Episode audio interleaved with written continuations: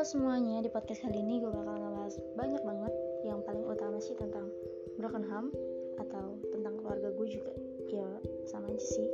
Karena ya gue termasuk salah satu dari anak broken home Oke, segitu aja Perkenalan dari gue Mungkin buat kalian yang suka dengerin podcast Apalagi buat kalian yang, maaf ya Buat kalian yang sama-sama dari anak broken home Siapa tahu podcast ini bisa berguna buat kalian gitu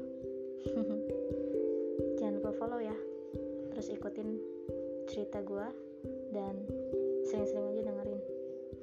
Terima kasih